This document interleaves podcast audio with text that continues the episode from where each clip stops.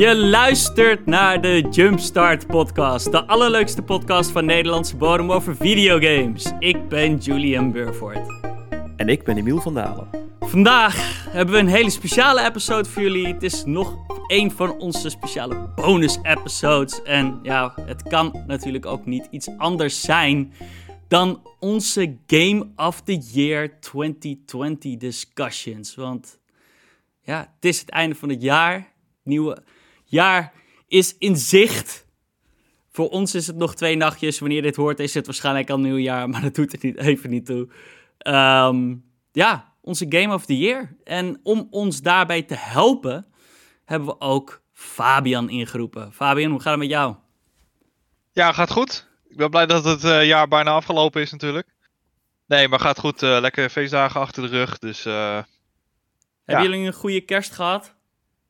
Ja, zeker. Nee, um, ja, het is wel een aparte kerst, toch? Ik bedoel, ik denk dat dat voor ons allemaal wel geldt, zeg maar. Het is normaal een periode waarin je allemaal uh, familie opzoekt en met z'n gezellig, uh, met z'n allen jezelf ja. in een woonkamer propt rond de kerstboom.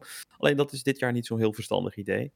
Um, dus we hebben een soort van uh, ja, rondreizend circus gehad, waarin we in tourbeurten op uh, bezoek gingen bij, uh, bij vaders en moeders en uh, de schoonfamilie. En ja, nee, daardoor toch een beetje, je hebt iedereen wel gezien. Nou ja, iedereen ook niet helemaal waar, maar je hebt zeg ja. maar de, de mensen waar het nu een beetje om draait, dus een beetje de oudjes, die heb je wel opgezocht, zeg maar. maar ja, met allemaal regeltjes waar je aan moet houden. Dus ja. het was, het was oké, okay, maar het was weird. Ja, Fabian? Ja, eigenlijk een beetje hetzelfde verhaal. Het is een uh, kerst om nooit te vergeten, denk ik. En niet, uh, niet per se in een positieve uh, manier. ja, gewoon lekker ouderwets Hollands gegourmet met de familie. Oh, gourmet, ja. ja. Ja. Jezus, dat heb ik ook niet meer gedaan, zeg. Hoort erbij, hoort erbij. Altijd van je afgourmetten. Hoe, hè? Wat bedoel je? Altijd van je afgourmetten? Ja, dat je nooit spettert richting... Oh, zo. ik heb gourmetten, dat, ik denk dat ik dat echt al 15 jaar niet meer heb gedaan. Ik vond het vroeger altijd wel leuk. Ja, ja ik, ik vind het ook wel wat hebben hoor. Ja. Ik, ik heb het toevallig dit jaar voor het eerst in jaren gedaan. Ja. Mijn vrouw wilde het heel graag, dus we hebben zo'n uh, zo'n stel uh, gekocht. Ja, weet je, mijn ding is altijd, als je klaar bent met gourmetten, dan, dan kun je de dag daarna meteen je plafond gaan witten. Dat vind ik altijd zo shit, weet je wel. Oh ja? Ja, ah, nee, ja, viel mee, maar dat is wel mijn grootste angst, weet je wel. Ja, dat je ja, denkt, exact. Jezus. dan zit je daar met de ramen open, weet je wel. En dan... Mijn vrouw had allemaal tips uh, opgezocht over hoe je dan kan zorgen dat het uh, hele huis er niet naar meurt. Maar ja, dan krijg je dus van die shit, uh, de, de, gordijnen mogen niet dicht zitten, er moeten bakjes azijn hier en daar staan. Ja, ja, ja. Jezus, hè, we gaan gourmetten.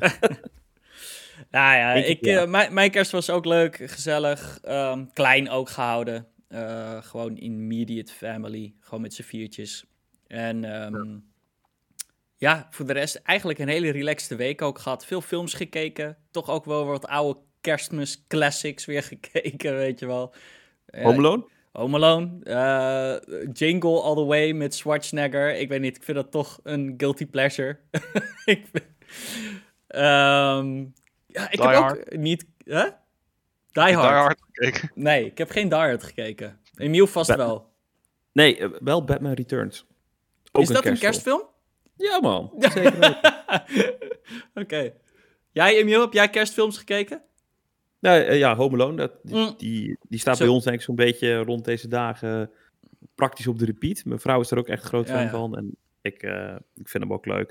Ik moet wel zeggen, alleen de eerste twee hoor. Daarna, uh, dat, dat bestaat allemaal ja. niet. Maar Fabian? ja, die eerste toch classics. Nee, eigenlijk niet. Uh, normaal uh, doe ik dat wel altijd samen met mijn vriendin. Dan kijken we Harry Potter films, daar is ze nogal oh, ja. gek op. Ja. En er zit ook altijd zo'n uh, een stuk in dat het kerst is en dan gaan ze naar zo'n bal en weet ik veel wat er dan ja, allemaal ja, gebeurt. Maar ja, dit jaar eigenlijk niet. We hebben, ik heb samen met mijn schoonfamilie kerst gevierd in Animal Crossing ook. Oh shit. Dus dat was een beetje in plaats van de kerstfilm. Wauw, oké. Okay. Nou, daar, daar, daar moet je ze direct misschien wat meer over vertellen. Um, want laten we inderdaad gewoon onze Game of the Year uh, induiken. Um, we beginnen allemaal met onze honorable mentions. Ik stel voor dat we gewoon allemaal eentje om de, om de beurt omnoemen. En daarna hebben we eigenlijk van tevoren al een soort lijst gemaakt. Uh, het is niet een nette top 10, het is zelfs iets meer. Ik geloof 14 games, maar waarvan wij denken: dit zijn de 14 beste games van het jaar. En uh, weet je, wanneer het om onze personal game of the year gaat, dan zullen we dat nog even aanstippen. Ik bedoel, obviously, we save the best for last. Um, maar ja, let's, let's dig into it, man. Wat vonden jullie sowieso van het jaar? Misschien is dat eigenlijk wel een uh, goede aftrapper. Vond je dit een goed gamejaar, Emiel? Um, ja, ik vond het wel een goed gamejaar. Uh, ondanks dat het wel een, dat het een jaar was, zeg maar, waarin we toch allemaal wel ook de gevolgen van corona terugzagen in, in, in de game-industrie, zeg maar. Dus titels bleven maar uitgesteld worden op het laatste moment. En ja. je zag ook bij een heleboel games dat de final polish een beetje ontbrak. Um, ja. Maar ja. los daarvan, zeg maar, vond ik, als je kijkt naar de games die uitkwamen, dan zaten daar een heleboel goede games tussen. Voor mij persoonlijk was het wel weer zo'n zo'n jaar waarin je eigenlijk aan het wachten bent op de next-gen console. En ik, ik merkte het, zeg maar, vanaf nou, mei, juni was ik eigenlijk niet meer excited voor de games die uitkwamen. Omdat ik bij alle games die uitkwamen dacht van, ja kut, ga ik dat nou spelen? Of wacht ik eventjes tot mijn next-gen console er is? En Ja. zo ga je dan een beetje het hele jaar eh door sukkelen. En dat was bij de vorige generatie Shift had ik eigenlijk precies hetzelfde.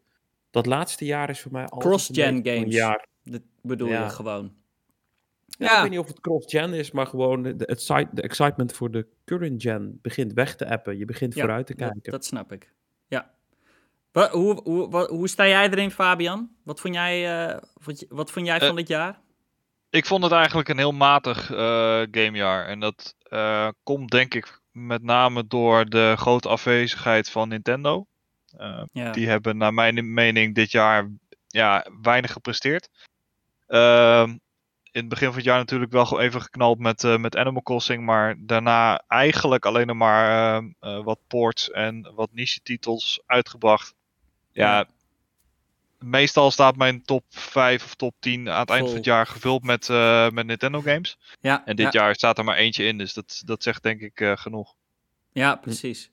Ik, ik sluit me daar wel een beetje bij aan. Voor mij was het ook niet een geweldig gamejaar. Ehm, al moet ik daar dan wel weer bij zeggen, ik heb denk ik nog nooit zoveel gegamed in een jaar. Want, man, wat zaten we veel thuis. Wat hadden we veel tijd. Eh, wat, ik ging niet uit in de weekenden. Ik zat thuis te gamen. Ehm, en ik denk dat het voor een heleboel mensen zo was. Ik bedoel, je ziet het natuurlijk ook in de games die dit jaar eh, een succes hebben gemaakt. Ehm, ik, ik zie al één honorable mention bij jou staan, eh, Fabian. Eh, laten we gewoon beginnen. Eh, wat is een van je honorable mentions? Ehm, ja, als we het over de pandemie hebben en gaming, dan kunnen we niet om het grootste fenomeen op het moment op, op Twitch heen. Dat is natuurlijk Among Us. Ehm, Ja, die, die game ontplofte ongeveer op het internet. En ook ik ben hem gaan spelen met, eh, met vrienden en eh, collega's. En ehm, ja, het is ja, ja, een beetje alsof je, eh, als je ooit wel eens Weerwolven van Wakkerdam bijvoorbeeld hebt gespeeld. Dat is Ja. ongeveer een beetje hetzelfde idee qua gezelligheid. Alleen ja, nu kan dat natuurlijk niet, omdat we allemaal thuis moeten zitten. Eh, maar Among Us eh, was daar een goede vervanging in om in ieder geval contact te houden met je vrienden. En, eh en, en zodoende toch een, ja, leuk sociaal spelletje te spelen. Ook met mensen die normaal gesproken niet gamen. Dat vond ik wel heel, heel knap. ja, ik hoorde mensen... Ik hoorde mensen het ook een beetje omschrijven als... eh, het is een beetje een bordspel eh, concept eh vervideogamed. Eh weet je wel? Ehm, en ja, het succes is echt groot, want ehm, de top 10... Hij zit in de top 10 most grossing games van het jaar. En dat is serieus? Ja, en dat is zo gek om te bedenken dat die game ook, ik geloof, onder de 15 euro is. Hij is 4 euro op Steam. Hier, daar moet je nagaan. 5 euro op Steam.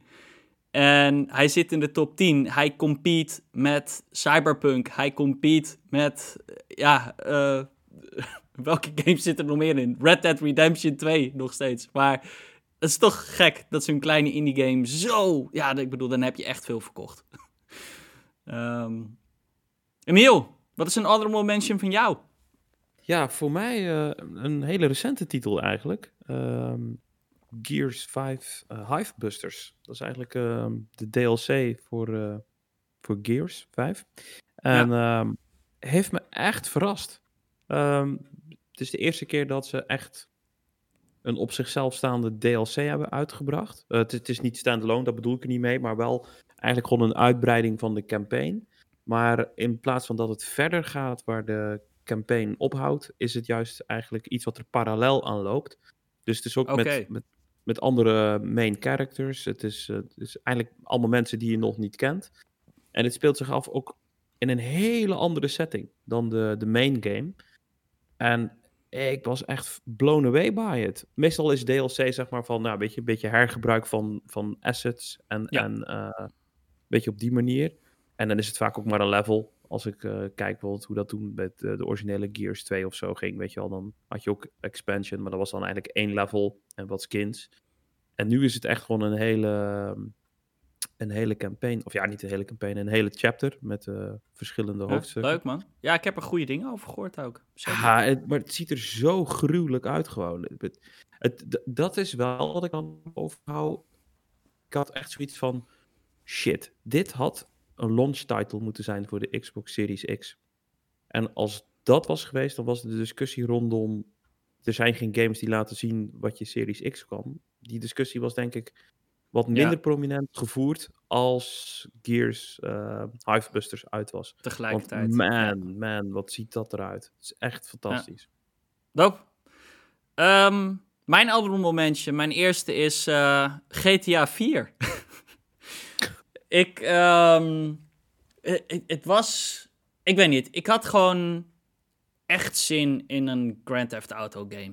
En GTA 5 eh, was ik echt op uitgekeken. Ik denk iedereen wel, weet je. Ik wil die game gewoon niet, ik wil niks meer horen van die game. Ik wil niks meer zien van die game. Het is al tien jaar in het nieuws. Het is, het is enough, weet je wel. Ik wil iets nieuws. Maar ja, GTA 6 komt maar niet uit. En ik dacht van, weet je, ik ga gewoon een oudere GTA spelen. Ik ga GTA 4 spelen. Ik heb die game ook niet meer gespeeld sinds, nou ja, dat dat uitkwam. Hoe oud is die game inmiddels? Ik denk eh, toch wel 16, 17 jaar oud. En man, ik, ehm, ik heb hem op de MacBook gespeeld. Dit was nog voordat ik de nieuwe PC had gekocht. Ehm, en dat ging prima met eh, Windows installeren gewoon en via Steam kopen. En nou ja, ik kon alles max zetten. En die game, ja, het is mijn favoriete GTA. dat is, het is ehm, bijzonder toch hoe je terug kan gaan naar zo'n oudere game. En dan zeker, ja, zeker op PC, dat je dan zo'n game ook dan nu in 4K kan spelen en alle, alles gewoon, alle eh, sliders naar rechts kan schuiven. En het is voor mij, ik vond het best wel een, ehm, eh, ja, ik weet niet, op heel veel manieren vond ik hem sowieso beter dan GTA 5. Eh, ik vond de story zo ongelooflijk goed. Nico Bellic, het hele, de hele arc van Nico Bellic vond ik echt super intrigerend. New York, amazing. Maar ik was ook echt surprised over de detail in die open wereld. En in de AI, dat ik denk van, dude, sommige open wereld games die nu uitkomen, doen dat nog niet eens. Weet je wel? Dus het laat toch wel weer zien van, ja, Rockstar eh, games hebben toch een bepaalde ja, ik weet, ik weet niet hoe ik moet uitleggen, maar een bepaalde polish en oog voor detail die je gewoon niet heel erg veel tegenkomt. En eh, ja, ik heb de game gewoon letterlijk van A tot Z helemaal uitgespeeld met ontzettend veel plezier. Dus ehm, ja, GTA We hadden 4. het- We hadden het net over DLC. Eh, ik weet dat ehm, GTA 4, die had iets van twee of drie Mhm, ook echt eh, campaign expansions, Klopt, ja. die heel populair waren. Ja. GTA 5 tot de dag van vandaag, volgens mij niet hè. Alles is online voor GTA. Ja. Klopt. Mis je Ja. het? Ja, zoals ik zei, ik mis GTA. Ik wil GTA 6. Ik bedoel, het duurt, we wachten er al zo lang op. En ehm, ik denk niet dat daar nog DLC voor gaat komen, voor GTA 5. Nee, nu Ehm, niet meer, nee. Maar ja, het baat mij ergens wel zorg hoor. Dat ze dus al hebben aangekondigd van we gaan hem nog eens een keer porten naar eh, de PlayStation 5 en de Series X. Waarbij ik dan eigenlijk nog meer het idee krijg dat GTA 6 echt nog ehm, lang niet uitkomt. nou ja, Ehm, en met ja. het succes van eh, GTA Online ben ik ook bang dat de focus voor de volgende game misschien toch meer op het online gedeelte Nou, dat is- niet- Gaat die nog een keer zo groot worden? Dat, gelukkig zijn eh, die. ehm, kan ik je een beetje eh, eh, rustiger. Daar, ik weet niet wat ik wil zeggen, maar je kan, ik kan je Je iets bedaren kalmeren. daarin. Ja, iets kalmeren Ja. daarin. Er was toevallig vorige week een interview met een van de guys bij Rockstar. En ze hebben gezegd van nee. Ze hebben sowieso al geïnd, ja, we werken aan een GTA, de. Ehm, En f- singleplayer is nog steeds ontzettend belangrijk voor ons. Dus ik, eh, ik, hoop, dat, eh, ik hoop dat ze zich daaraan houden. Oké, cool. Gaan we weer terug naar jou, Fabian. Eh, ja, eh, nou ja, ik noemde net al even Among Us. Maar voordat eh Among Us er was, was er nog een andere game die eh, op Twitch eh opblies. En dat was eh, Fall Guys. De beste Battle Royale game ooit gemaakt, in mijn eh, mening. ja, Eh, ja, gewoon een super, super simpel concept. Eh, ik snap ook niet waarom het zo lang heeft geduurd. Totdat er een, eh, een eh, studio was die dit, eh, die dit is, eh, is gaan doen. ja. Ja, super. Gewoon eh, mega veel plezier gehad met, eh, eh, met mijn vrienden online. Eh, lekker tegen elkaar eh, aanbeuken en proberen om, dat, eh, om die kroontjes eh, te pakken. Eh, wat ik wel een beetje jammer vind is dat ze, ja, het duurde een beetje lang voordat er nieuwe content kwam. Dus je was de hele tijd dezelfde leveltjes aan het spelen. Ja, op een gegeven moment heb je dat wel gezien. En toen, ja, uiteindelijk kwam seizoen 2 uit, geloof ik. ja. Toen was het eigenlijk, wa- was de, de, boot has sailed. Ja, Eh, laat. ja, toen was het te laat en er zat iedereen om eh, Among Us te spelen. Eh, maar desalniettemin superveel plezier gehad eh, met deze game. Ik moet ook zeggen, inderdaad, dit is denk ik wel de game die het hardst is geëxplodeerd op Twitch. In zo'n korte periode. Iedereen Ja. speelde dit. En ik moet ook zeggen, ik heb het persoonlijk niet gespeeld. Ehm, maar het zag er wel altijd super grappig uit. Het deed mij gewoon denken... Ik denk gewoon Fall Guys 2, sowieso moeten ze daaraan werken. Moet gewoon meer verschillende soorten minigames hebben. Eh, Ik zie gewoon, denk een beetje Mario Party Battle Royale, weet je wel? Die shit. En ja, ik vind, ik vind het echt super leuk. En het was ja, een vrolijke game. Weet je wel, ook iets wat eh, wel wat waard was dit jaar. Ja, absoluut. Emiel? Ja, ik heb eh, een honorable mention erop staan. Eh, een game uit 2019. Dus ik heb een beetje vals gespeeld. maar het is wel een game ehm, wat een tijdje heeft geduurd voordat hij bij mij klikte. Eh, en dat is Star Wars Fallen Order. Ehm, Ja. ik ben een enorme Star Wars fan. Ik weet niet waarom deze game gewoon de eerste keer bij mij niet klikte. Het deed helemaal niks. Ja, Eh, dat kan soms, maar- man. Ja, maar ik, ik, ik, denk wel, want ik heb deze game. Hij klikte wel op de Series X. En ik had het idee dat zeg maar, de boost in eh framerate. dat dat wel echt iets voor mij deed. Ja, Eh 60 frames per seconde, toen vond ik deze game wel vet om te spelen. En in 30 op een of andere manier. Ik, ja, ik kreeg de timing niet onder de knie. Ik vond het een. Ja, het was niet mijn game. En nu denk ik echt, oh jezus, wat, wat een ontzettende vette game.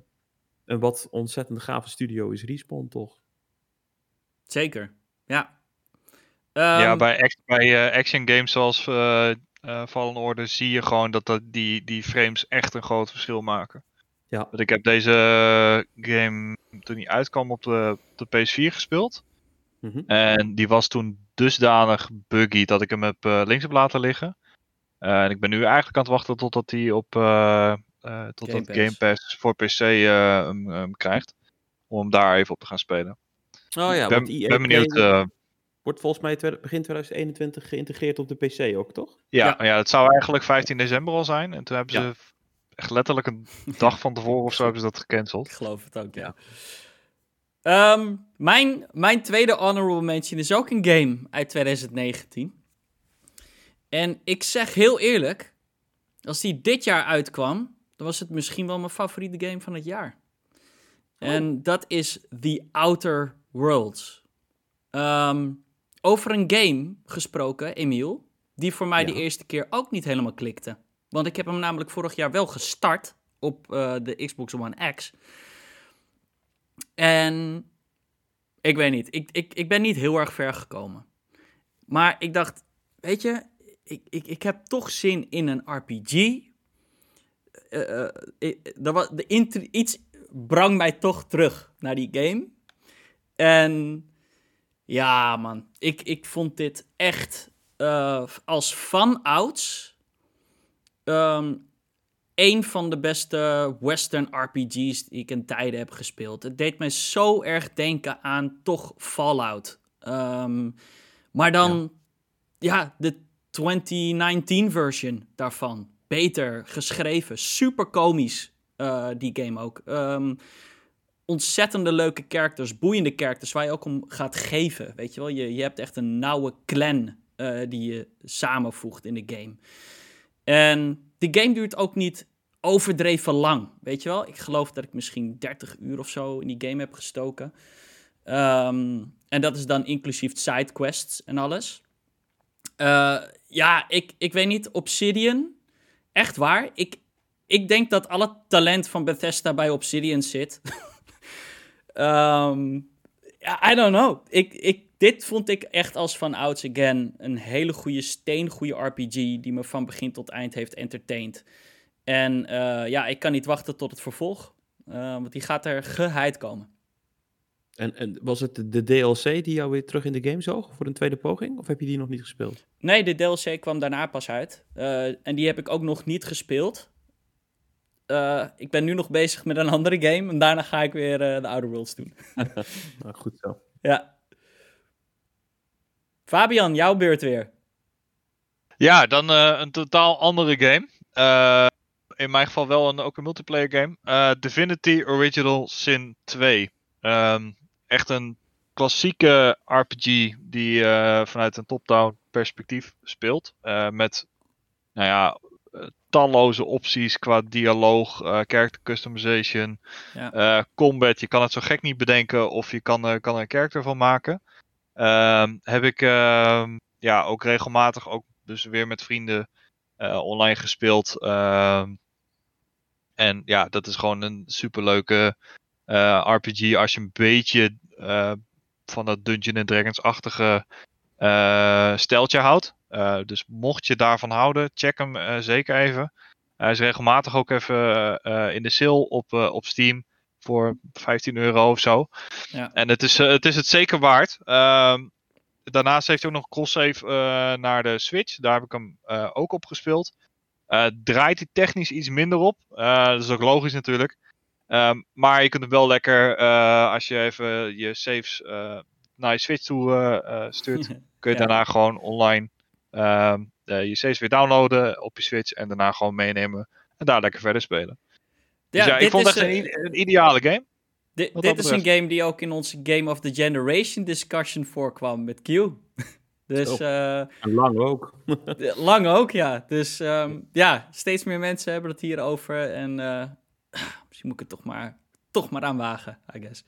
Same. Emiel, ja, voor mij... Uh, Nog een RPG. Mijn laatste Honorable Mention. Ja, weer een RPG. Uh, maar wel een RPG met turn-based strategy elementen. Ja. Um, dat is Wasteland 3. Um, het is een game, zeg maar, die weet vast te houden wat heel erg goed was aan het origineel.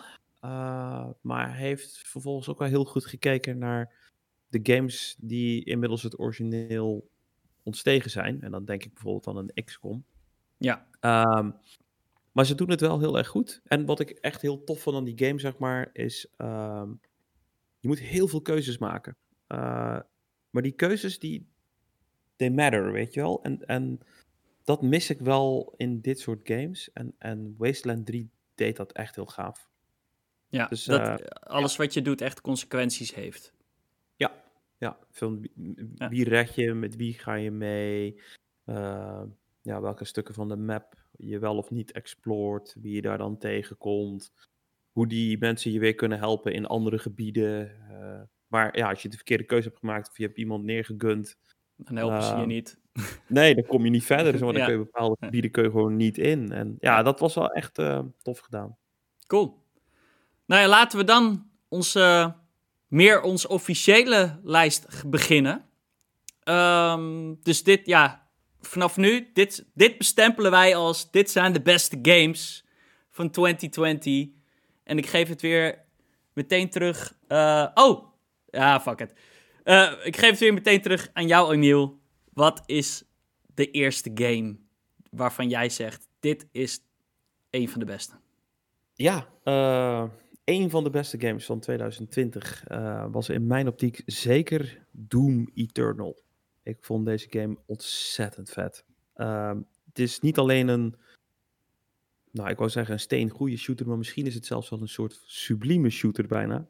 Ehm, en wat die game zo gaaf maakt, is dat als je gewoon kijkt naar de historie van id Software, eh, van de developer, weet je, die, die hebben games gemaakt als inderdaad Doom, maar ook Quake en, en eh, Wolfenstein. Maar je ziet zeg maar dat die hele historie, die ademt echt zeg maar door in Doom Eternal. Met name, er zit best veel Quake-elementen in.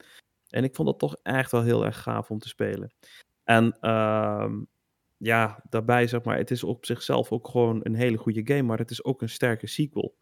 Ehm, en het is best moeilijk om een sequel te maken, omdat je ja, je wil behouden wat goed is aan je origineel, maar je wil ook iets Nieuws doen. anders doen. Je wil, ja, je wil de volgende stap maken. En ik heb het idee, zeg maar, dat eh, Doom Eternal dat goed gedaan heeft. Ehm, niet altijd. Ik vond ehm, de pacing soms wat eh, een beetje off. En dat kwam door het hele traversal eh, gebeuren wat geïntegreerd was. En soms werkte dat heel erg goed. En soms dacht je echt van, oké, dit is nu een soort van barrière waar ik even doorheen moet. En dan, dan, gaat, weer, gaat de game weer verder. Ehm, en dat, dat was af en toe wat, wat, ja, dat hij eventjes uit de flow haalde. Maar als je dan helemaal in de, in de gunplay terecht kwam, dan, ja, dat, zij kunnen dat als geen ander. Ik vind Ja. dit echt, ik denk oprecht, de, sowieso de beste shooter van, ehm, van 2020. Nou ja, ook deze game van onze Game of the Generation discussion voor, hè? Ja. dus Ja, ja, 2020 is als Game of the Generation. Eh, goed, Fabian. Oh, oh nee, sorry, ik ben. Eh, Oh. De eerste game die ik ga opnoemen is eh, Spider-Man Miles Morales. Ehm, natuurlijk, ehm, ja, de uitbreiding. Ja, dat is ook niet echt waar. Het is wel een, een, een, een standalone game. Maar natuurlijk eh, gebouwd op de fundering van het origineel. En ik vond Original Spider-Man, eh, wanneer kwam die game uit? 2018 of 2017? Toen was het mijn Game of the 18. Year. Ja, dat vond ik echt een hele vette game. En Spider-Man Miles Morales doet dat maar beter. Eh, ik vind het een betere game. Ik vind hem beter aanvoelen. Eh, al helemaal omdat ik hem natuurlijk nu in 60 frames per seconde heb kunnen spelen. Ja, je hebt, ik moest kiezen tussen twee modes en 60 frames is de mode waarin je Spider-Man wil spelen. En ik kon ook echt niet meer terug switchen. Maar dat hoeft niet meer, toch? Ja, je, je hebt nu inderdaad een mode dat je raytracing en 60 eh, frames per seconde hebt. Maar dan lever je weer dan op resolutie, geloof ik. Maar dat heb ik niet kunnen testen, want ik heb geen PlayStation meer. maar eh, in die korte tijd dat ik de PlayStation 5 had, heb ik me erg vermaakt met deze game. Ik vond Miles Morales als character ongelooflijk dope. Ehm Super goed geacteerd. Vette character gewoon in het algemeen. En het is eigenlijk je weet dat ze Spider-Man 2 aan het maken zijn, maar I don't care about Peter Parker. Geef me gewoon weer Miles Morales, weet je wel. Ehm, ja, ik weet niet. Ik vond het, het was, het was het origineel beter. Je had betere moves. Je had, eh, het was beter paced, weet je wel. Minder barf op de map. eh, betere side missions. In al, al met al gewoon een hele leuke, eh, vermakelijke game. Dus dat is mijn eerste, eerste game die ik opnoem. Fabian. Ja, dan eh, eh, ja, een game die, nou ja, volgens mij het commercieel best wel goed heeft gedaan, maar kritisch werd hij niet eh, heel goed ontvangen. Nee. Assassin's Creed Valhalla. Ehm, ja, een, een typische Assassin's Creed game zoals Ubisoft die, die maakt. Ehm, doet eigenlijk niks nieuws, maar ik vind de setting van de vikingen zo vet dat ik hem toch eh, nou, redelijk, redelijk lang heb gespeeld. Ja. Eh, volgens mij zit ik op de 80 uur of zo. Wow. Eh, en ik heb, hem, ik heb hem nog steeds niet uit. Wat dat betreft ben ik ook echt zo'n typische open world gamer die al die stipjes af moet gaan en alles moet, elk Ja, kistje moet hoor. pakken. Dus dan, ja, dat doe ik mezelf dan ook maar aan hoor. Maar ehm, ja, ik ben op een gegeven moment me opgehouden omdat er een andere grote game uitkwam. Eh, maar ik ga hem nog zeker uitspelen. Ehm, ja, die game doet in principe niks vernieuwends. Maar als je van Nee. open wereld games houdt, is dit gewoon wel een moetje eigenlijk. Ja. Ja, ik weet niet. Ik, ik, ga het, weet je, we gaan hier games celebraten, dus ik wil er niet te veel over zeggen, maar eh, de mensen die de podcast hebben geluisterd we- weten dat ik niet zo erg te spreken was over Valhalla. Ehm, maar het is nog wel, eh, maar wat je zegt, hij heeft toch wel een veel mensen, ehm, ja, het is de best verkochte, eh, de best verkochte Assassin's Creed zelfs, geloof ik. Ja, het is, een- Dus, kijk, eh, het is, een, het, het is een game die niks nieuws doet. Maar wat hij doet, doet hij wel heel goed. Ja. Eh, eh, ja, in mijn opzicht is het een prima, ja, nou, wel meer dan prima game. Eh, alleen in technisch opzicht op de PC draait hij niet heel goed. Eh, en ik liep ook continu tegen bugs aan. Ehm, Ja. Ja, dus ja, dat haalde me wel ook een beetje redelijk uit de, uit de, uit de sfeer om die game eenmaal uit te wonen. Eh, maar al met al, ehm, ja, als je van dit soort games houdt, als je de vorige vet vond, vond je, vind je deze ook vet. Daar Ja. komt het eigenlijk op neer. Emiel, back to you. Ja, mijn volgende game. Ik heb lang getwijfeld hoor, want eh, ik heb net eh, Wasteland 3 genoemd als honorable mention. Ehm, maar ik zat heel erg te twijfelen, want ik heb een soortgelijke game eh, erin gezet. En dat is Gears Tactics. Ja, Ehm, een hele andere game dan die je gewend bent van de franchise. Eh, normaal is natuurlijk de, de third-person cover shooter. Eh, maar nou gingen ze eigenlijk de, de XCOM slash Wasteland tour op. En dat vond ik echt op een of andere manier zo goed passen. Ik snap niet dat ze dat niet eerder hebben bedacht. Dat een, eh, ja, een, een cover shooter zich natuurlijk bij uitstek leent voor een, eh, ja klopt. ja, Ja, een turn-based eh, action of een tactic game. Ja, het is. eh, ik zou willen zeggen, het is bijna misschien wel de perfecte turn-based tactic game. Ik vind het heel knap hoe ze zeg maar de, de stijl en echt het, de smoel van Gears, zeg maar. Want het is wel een hele specifieke game, weet je, een beetje van die, van die macho's. En de hele wereld is zeg maar tien keer zo groot als dat die in werkelijkheid is. Ehm, maar dat ze dat op een hele gave manier weten samen te smelten met ja, mechanics die je kent van, van Wasteland en van XCOM. Ja. ja. ja, dat echt ontzettend eh, vet gedaan. En met name omdat je zeg maar, je hebt best wel intense encounters, maar je gaat eigenlijk van de ene toffe encounter naar de ander. En die, die pacing in die game is super goed gedaan. ja. ja en tof. ook hier best tof verhaal. Wat ik, eh, Ook met de nieuwe Eh, cast of characters, toch? Ja, ook met een nieuwe cast of character. En ook, ik moet zeggen, niet de minste. Ook hier zat een hoofdpersoon in. eh, en een ondersteunend karakter die ik alle twee heel vet vond. En dat vond ik bij Hivebusters ook al. En ik heb heel lang gedacht, zeg maar, van... Dus Oh. moet ze het universum uitbreiden. Niet alleen, dat het er niet alleen Ja. meer gaat over, eh, hoe heet die guy? Nou, Marcus, Marcus Phoenix. Phoenix. Marcus. Phoenix. Ja, ja. maar het probleem is zeg maar van... Marcus is echt een heel goed geschreven karakter. En eh, die John DiMaggio, die de voice acting, acting doet... Ja, ja. die kerel is echt een legend. Dus weet je, ik denk dat ze nooit van Marcus gaan afkomen. Maar ik denk dat ze wel gezien hebben van als het gaat om de side characters. Ehm, die hoeven niet helemaal in het kringetje rondom Marcus te zitten. Dus het hoeft niet zijn oude squad Nee. te zijn. Het hoeft niet zijn zoon te zijn. Het hoeft niet vrienden van zijn Nee, zoon te zijn. precies. Ja, dat vind ik Er leuk. is zoveel meer in die universe. En dat heeft Ja. eh Gears Tactics mij wel laten zien. Een hele gaaf game. Aanraden.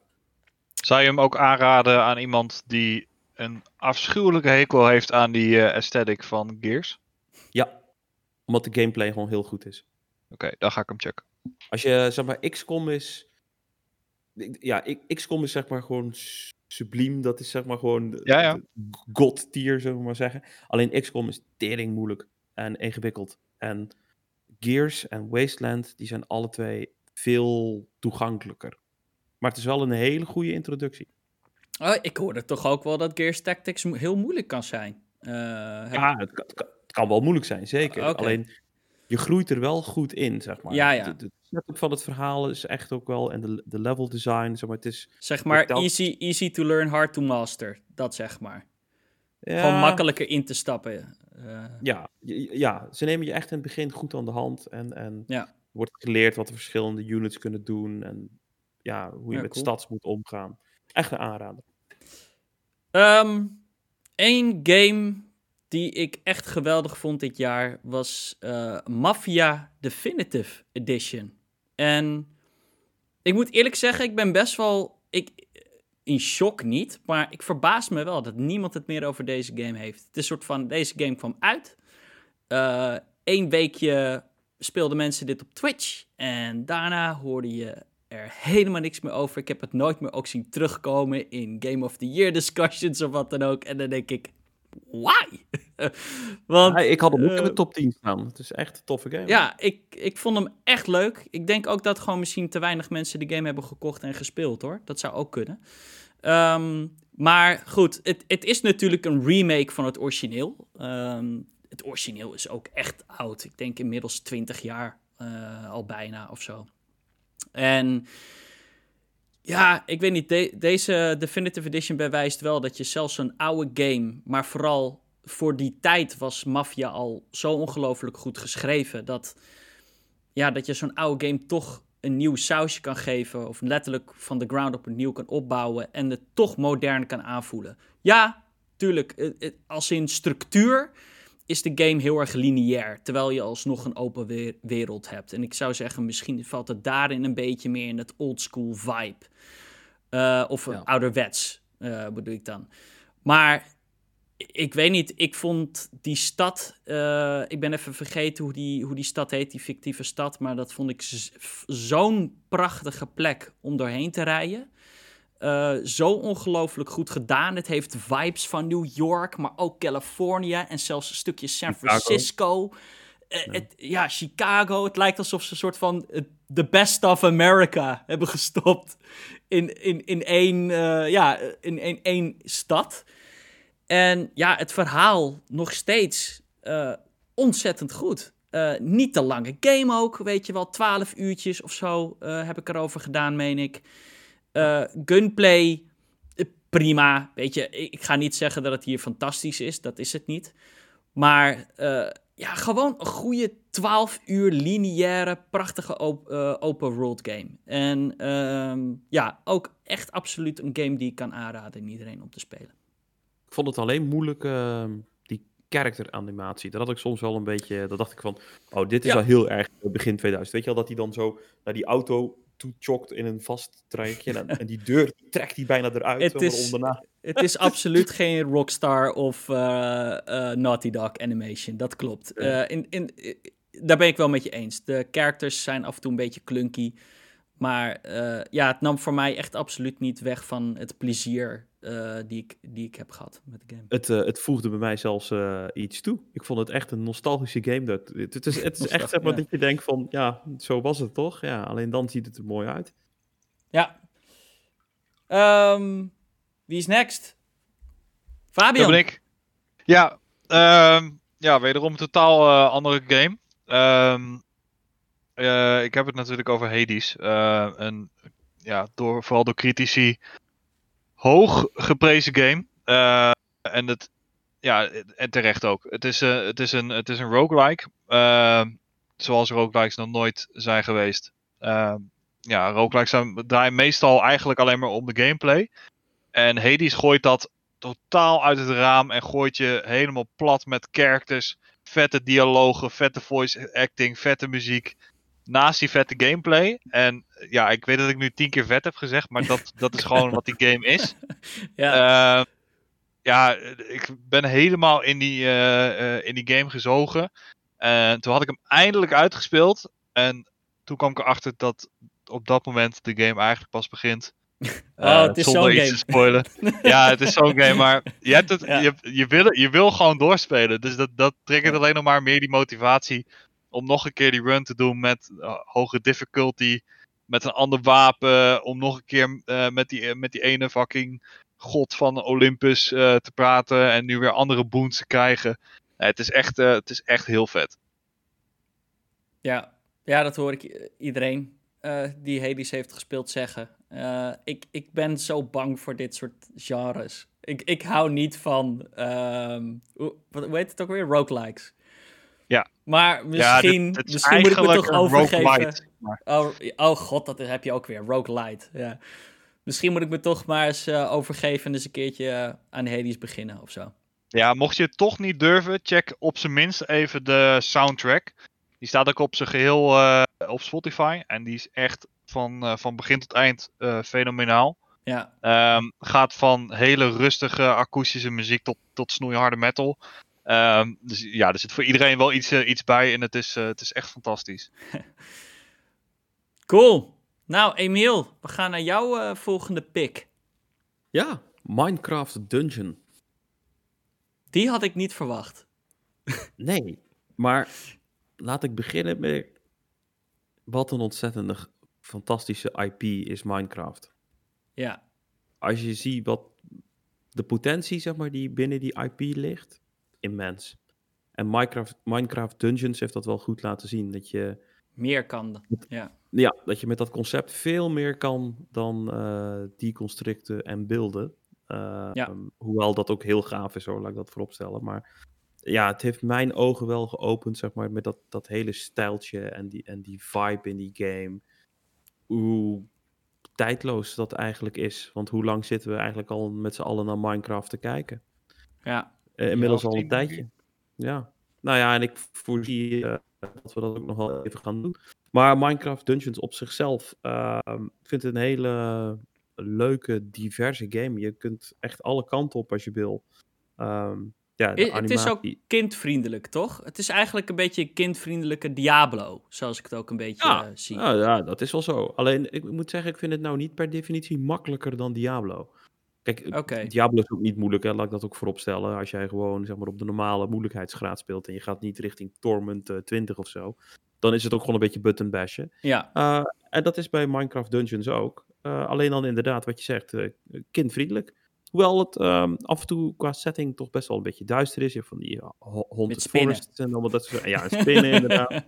Alleen, ja, door de manier waarop het eruit ziet, is het gewoon, eh, ja, het is gewoon leuk. Ja, En zeker. ook qua classes, hoe ze dat gedaan hebben. Je, het is eigenlijk heel divers. Het is eigenlijk je, je wapen bepaalt eigenlijk een beetje je beeld. Eh, en dat is echt op een hele toffe manier gedaan. En het is een game die echt ook leuk is om met anderen te doen. Ja. Eh, vooral met, met vrienden online is dat Ja, echt een via Game. Pass. Is, eh, misschien, weet je, ik denk dat ik Minecraft Dungeons misschien eens ga spelen met vrienden online. Dat lijkt me wel Ja. leuk.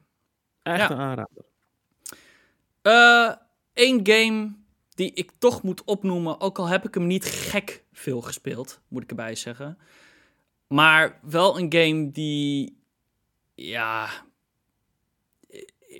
Microsoft Flight Simulator.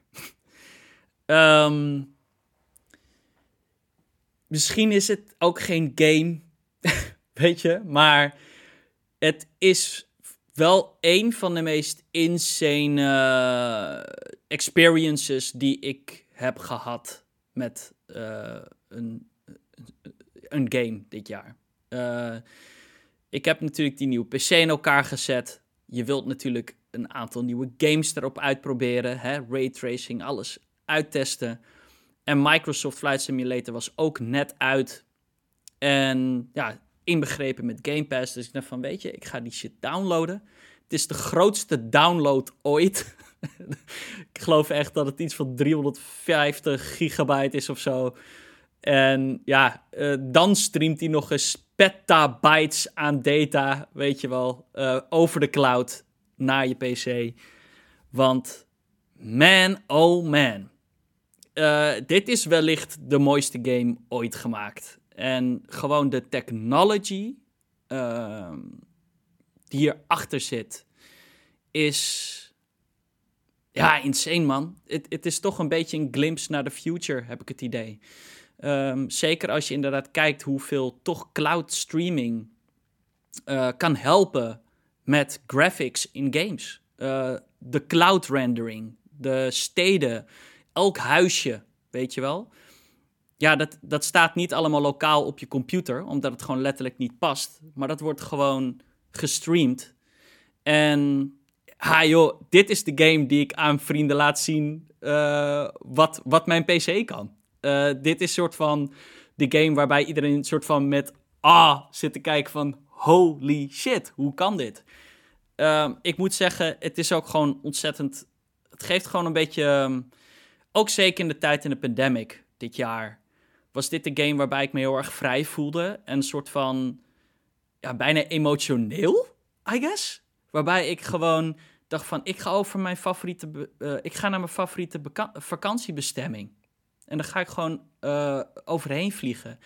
En dan om toch te zien dat het gewoon daar allemaal staat. En ons eh, week voor vakantiehuisje daar staat. Het is, ja, ik weet niet. Het is amazing dat ze toch gewoon de hele aardbol letterlijk gewoon in die game hebben gestopt. Ehm, in het begin ook, eh, toen die game net uitkwam, waren er ook zoveel mensen. Toen waren er die storms in eh, Amerika, geloof ik. Ik ben even Ja. de naam van vergeten. Ja. Dat klopt, ja. En dan gingen mensen dus in de game naar die locatie. En die storm is dan ook in de game. Want eh, het, ze gebruiken act- accurate weather data en zo. En live weather data. En dat je dat kan doen. En het er ook zo ongelooflijk ziek uitziet. Ja, het- het- ik, ik weet niet. Dit is eh, een hele bijzondere game. Ja, het is zeker een te- eh, sowieso een technisch wonder. Ja. Eh, ja, ik Ja. hoop inderdaad dat, eh, dat, dat, dat deze technieken in ieder geval in de toekomst in meer games worden, worden gebruikt. En ik heb Wat, is de vetste plek waar je naartoe bent gevlogen, Joel? Wat zeg je? Wat is de vetste plek waar je naartoe bent gevlogen? Ehm, Jezus. Ja, ik, ik, ik moet zeggen toch eh Iwo Jima. Mount eh, Iwo Jima Gaaf. vond ik heel erg mooi. Ehm, ja, toch, toch Tokio en zo. Al die, gewoon die insane steden. Ik ben ook natuurlijk naar New York gegaan. Ehm, die zitten nu ook... eh, kijk, af en toe, tuurlijk, er waren ook wat dingen dat je denkt van... Ja, dat is niet perfect. Ik ging ook over Amersfoort. Maar dan merk je van... Ja, oké, dit, dit... Ik zie dat dit niet mijn huis is. Ik herken wel... De, het, het klopt wel. De huizen staan wel allemaal op de juiste plek, maar het is dan niet, net niet de juiste kleur, verf of zo, weet je wel? Dus, ehm, maar ja, weet je, zeker voor de grote steden eh, is het gewoon, ja, amazing. Ehm, echt heel vet. Ben je niet even naar, eh, naar Jeffrey Epstein's eiland gevlogen? Nee, nee, dat heb ik niet gedaan, nee. Maar het zit er vast in. Maar heb je Ja, er waren, waren heel veel mensen die daar naartoe eh, Oh ja? vlogen, eh, eh, gingen vliegen in de hoop dat ze daar iets zagen. Maar ja. Ja. Maar heb je ook eh Stef stuntpiloten uitgehangen? Ben je onder de Golden Gate Bridge doorgevlogen in plaats van eroverheen en dat soort shit? Nee, dat heb ik niet gedaan. Eh, niet? Al Oh, zitten ik er wel heel... kunnen laten. hè? Al zit er wel een. Ik heb wel met een stuntvliegtuig gevlogen. Die zitten ze- zeker in de game. En die zijn zo nimble. En dan kan je echt salto's en van alles doen. En het is echt super vet. En zelfs met de controller voel je het verschil. Wat ik eh, wel erg, heel erg knap vind. Want ik heb natuurlijk. Ik had alle assists aan. Weet je wel. eh, totaal niet simulation mode. En ik moet zeggen. Het is dan prima gewoon te spelen met de controller. Ehm, en dan kan je gewoon een beetje rondvliegen en gewoon rondkijken. Dat is toch voornamelijk waar ik het voor speel. En ja, natuurlijk voor de, voor de hardcore eh, flight sims out there. ehm, ja, schijnt het ook een gewoon. Ik bedoel, je kan die, die cockpit, je weet niet wat je ziet. Weet je wel, het is ook fotorealistisch. Allemaal. ja, dus, ik kan eh, niet wachten tot deze game naar de console komt. Bijna, hè? Ja, even geduld nog. Fabian, gaan we over eh, naar jou? ja, dan gaan we naar de, eh, naar de beste Assassin's Creed game van de afgelopen 10 jaar. Ghost of Tsushima. Ehm, ja, nee, deze game eh, ehm, had ik vanaf het begin van de aankondiging, eh, dat die is aangekondigd al eh, in mijn vizier. Ik ben echt gek op, op Japanse cultuur. Ehm, En ja, samen met die, met die open wereld shit, is het gewoon een hele vette game geworden. Ik snap niet hoe het mogelijk is dat ze zo'n mooie game nog uit een console van uit 2013 of zo hebben, hebben geperst. Eens. Ehm, en eh, zul- zulke creatieve oplossingen hebben gevonden voor nou, eigenlijk eh, van die typische open wereld dingetjes. Zoals nou, je moet hierop klimmen en dan kan je eh, loot vinden. En als je dit, dit doet, dan eh, eh, krijg je extra skill points. En hier vind je extra armor. En, eh, weet je, dat, is allemaal op een hele vette manier. eh, ehm, Ze hebben wat inspiratie van Zelda genomen, denk ik. Gewoon. In de open wereld. Dus bijvoorbeeld die, die wind deed mij toch een beetje Ja. denken aan de Wind Waker, letterlijk, weet je wel. En ik vond dat inderdaad ook heel erg tof gedaan. Deze stond ook in mijn top 5 eh, games. Eh, Ja, het is, het is gewoon veel vetter dat je als je ergens komt en je ziet daar een vos lopen. En je denkt van, hé, ik, ik, ik zie een vos lopen, ik ga, ik ga er achterna. In plaats van, nou, ik, ik open mijn map en ik zie daar een puntje en dan loop ik naar de punt en dan is iets. ja, Ja, ze hebben dat zo vet gedaan. Wat, wat voor mij deze game echt ehm, fantastisch maakt, en dat is wa- waar deze game met kop en schouders wint van Assassin's Creed, is de combat.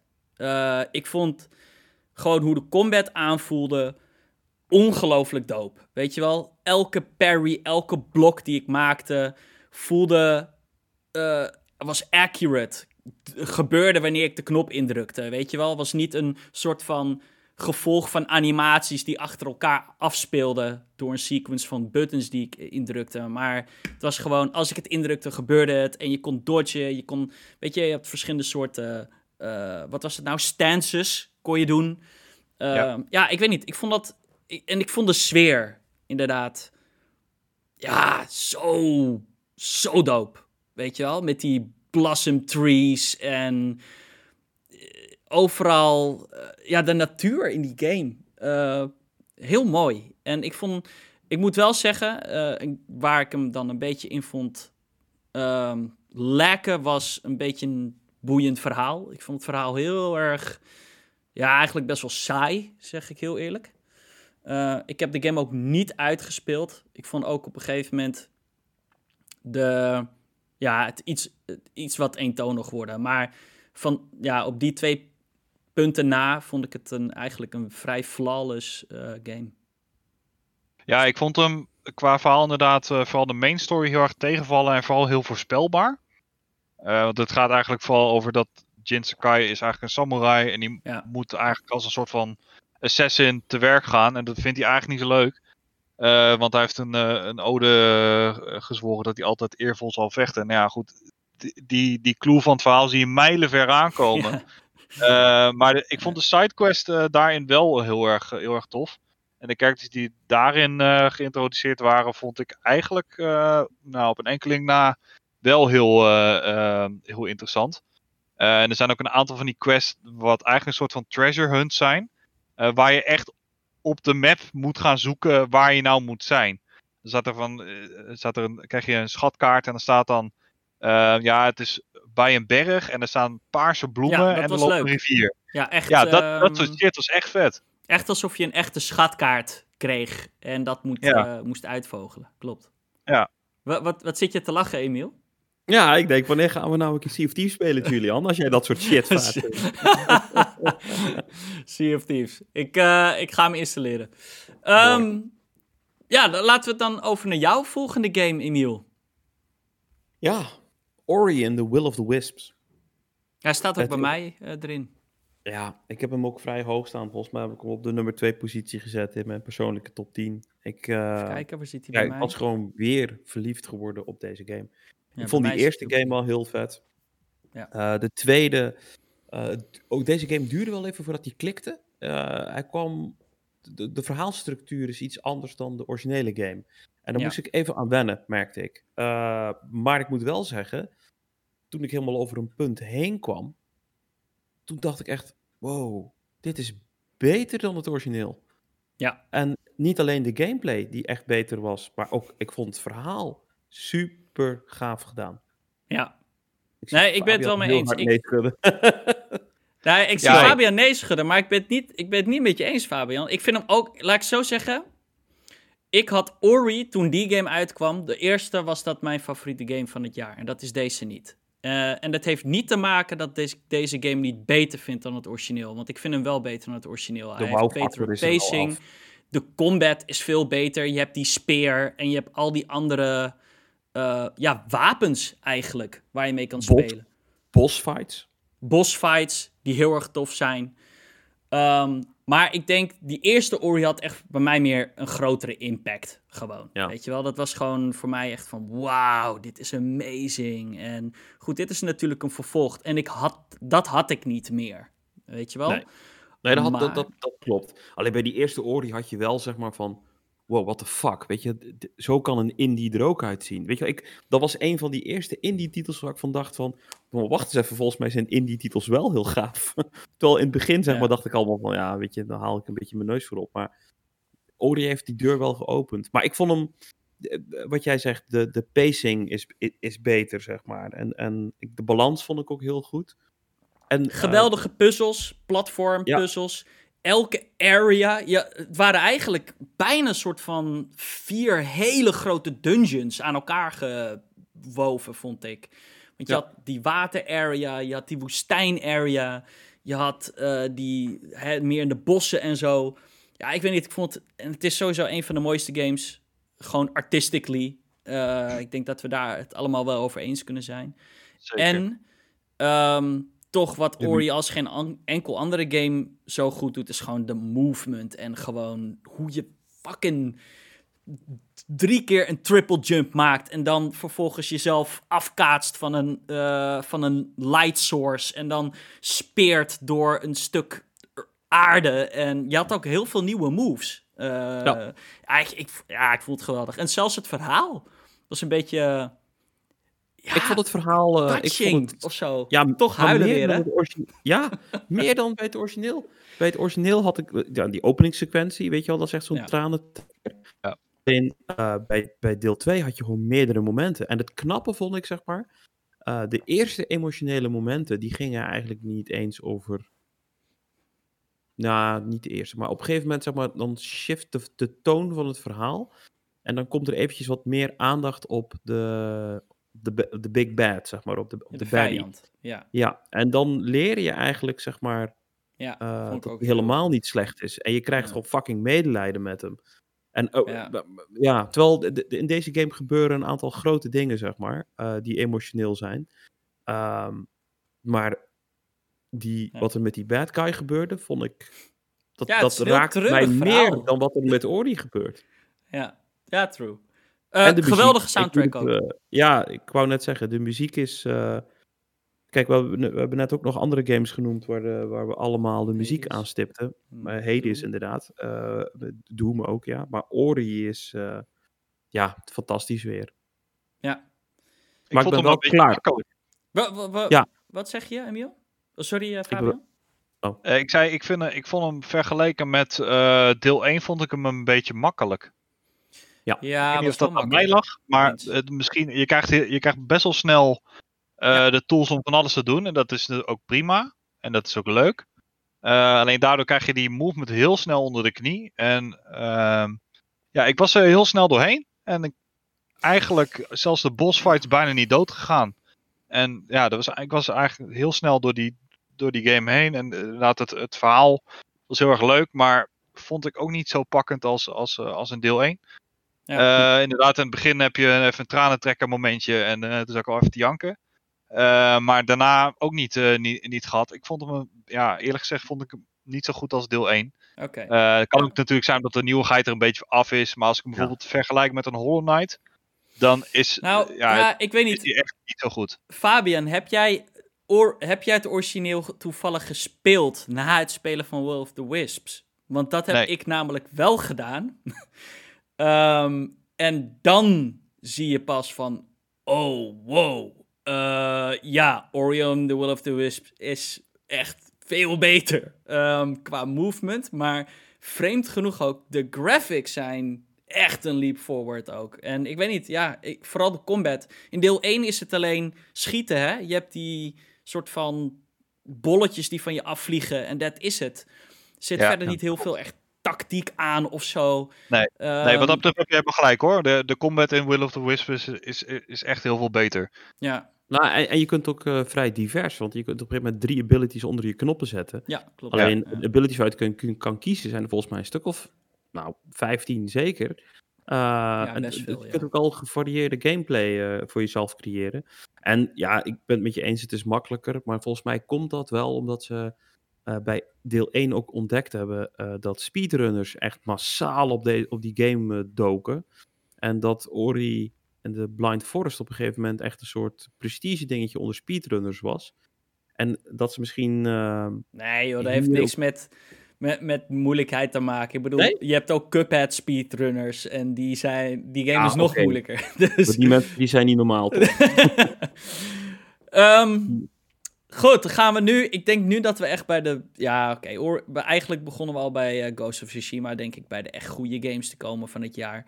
Ehm, mijn volgende is toch eh The Last of Us Part 2. En ja, er valt ook een heleboel te zeggen en te vinden over deze game. Dat heeft het internet ook gedaan. dat heeft iedereen heel erg gedaan. En ja, er zijn ook momenten dat ik zeker tegen het einde van de game had ik echt issues ook met de game. Dat ik denk van ja, sorry, maar ik, ik, dit vind ik gewoon niet, ik wil dit niet eens meer spelen. Maar toch ehm, moet ik wel bijzeggen als iemand die niet per se heel erg van Naughty Dog gameplay houdt, is dit, vind ik dit hun beste game. Eh, ik vind dit de beste game qua gameplay. Echt makkelijk. Ik vond het echt vet om te spelen. Eh, het voelde, het deed toch af en toe een beetje denken aan toch Resident Evil 4 of zo. Of een beetje die, ja, weet je, echt wel zoeken voor resources. Je bent vulnerable. Je kan makkelijk dood. Eh, een groepje van drie infected, of hoe heet die guys, klikkers, is veel en is overleven. En toch de production value van deze game ehm, is ongekend. Weet je, dit is zo'n game die met nul bugs released. En toch is het dan fijn als je dan zo'n game start en dat je gewoon nooit iets geks tegenkomt. En dat je denkt van, ja man, dit is gewoon een fantastische game. Eh beeld game. De enige dingen die ik eh, over, ja, de negatieve dingen die ik erover heb te zeggen zijn story related. En dat is gewoon heel erg persoonlijk. Eh, weet je, er zijn ook mensen die het verhaal prima vinden. Maar ik denk wel dat iedereen het er redelijk over eens kan zijn dat dit gewoon een steengoede gameplay eh, heeft. En ja, gewoon een goede game verder is.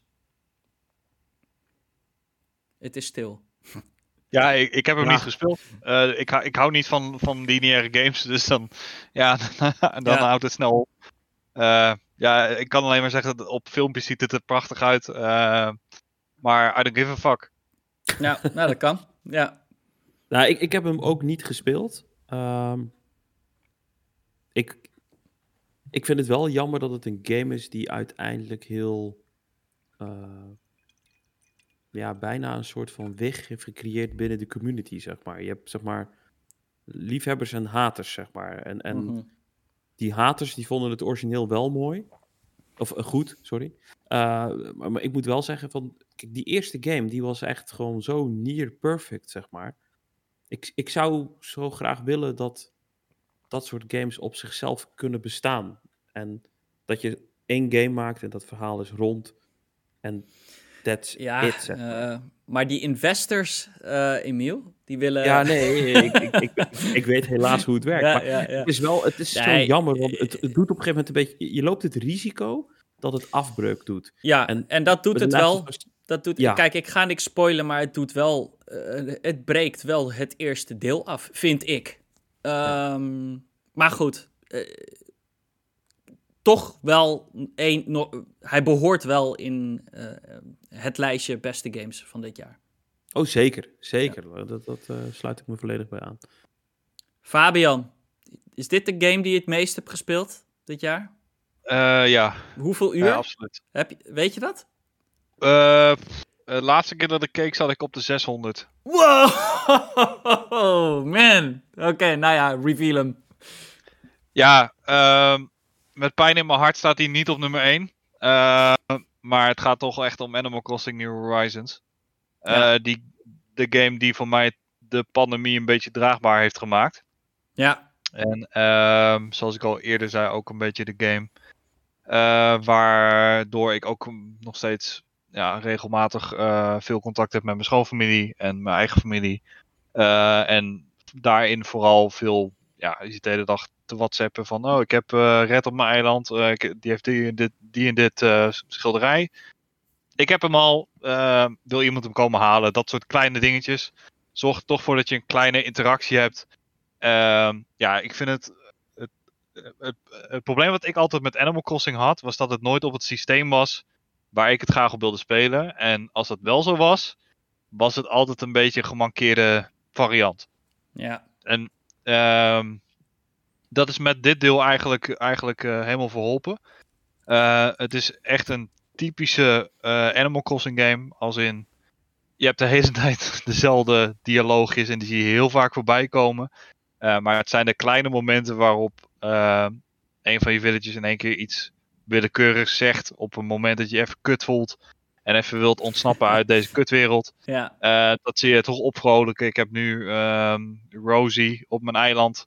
Dat is een blauw katje. En die heb ik nu. een- Die heeft een. eh, bij mij is er nu een ja, wit eh, pakje met een, met een zo'n belletje, zeg maar, aan. En die gaat gewoon random voor mijn voordeur zitten, bijvoorbeeld. En dan, ja, dat, dat soort dingen, dat is heel Ja. simpel. En het is super random. Eh, maar het tovert gewoon een lach op mijn gezicht. En ehm, Nintendo ondersteunt de game heel erg goed. ja, En dat blijven ze de komende twee jaar ook nog doen, minimaal. En eh, ja, het is voor mij gewoon even een vastigheid om elke dag even een kwartiertje of een half uurtje even te kijken wat er in mijn winkel is. Eh, is niet te veel ziek? Zo ja, ga ik medicijnen voor me halen? Moet ik nog een sneeuwpop bouwen?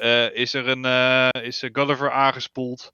Ja. Staat er een winkel op het plein waar, ik, waar ik iets leuks kan kopen? Is er weer een nieuw seizoen? Is er een nieuw event?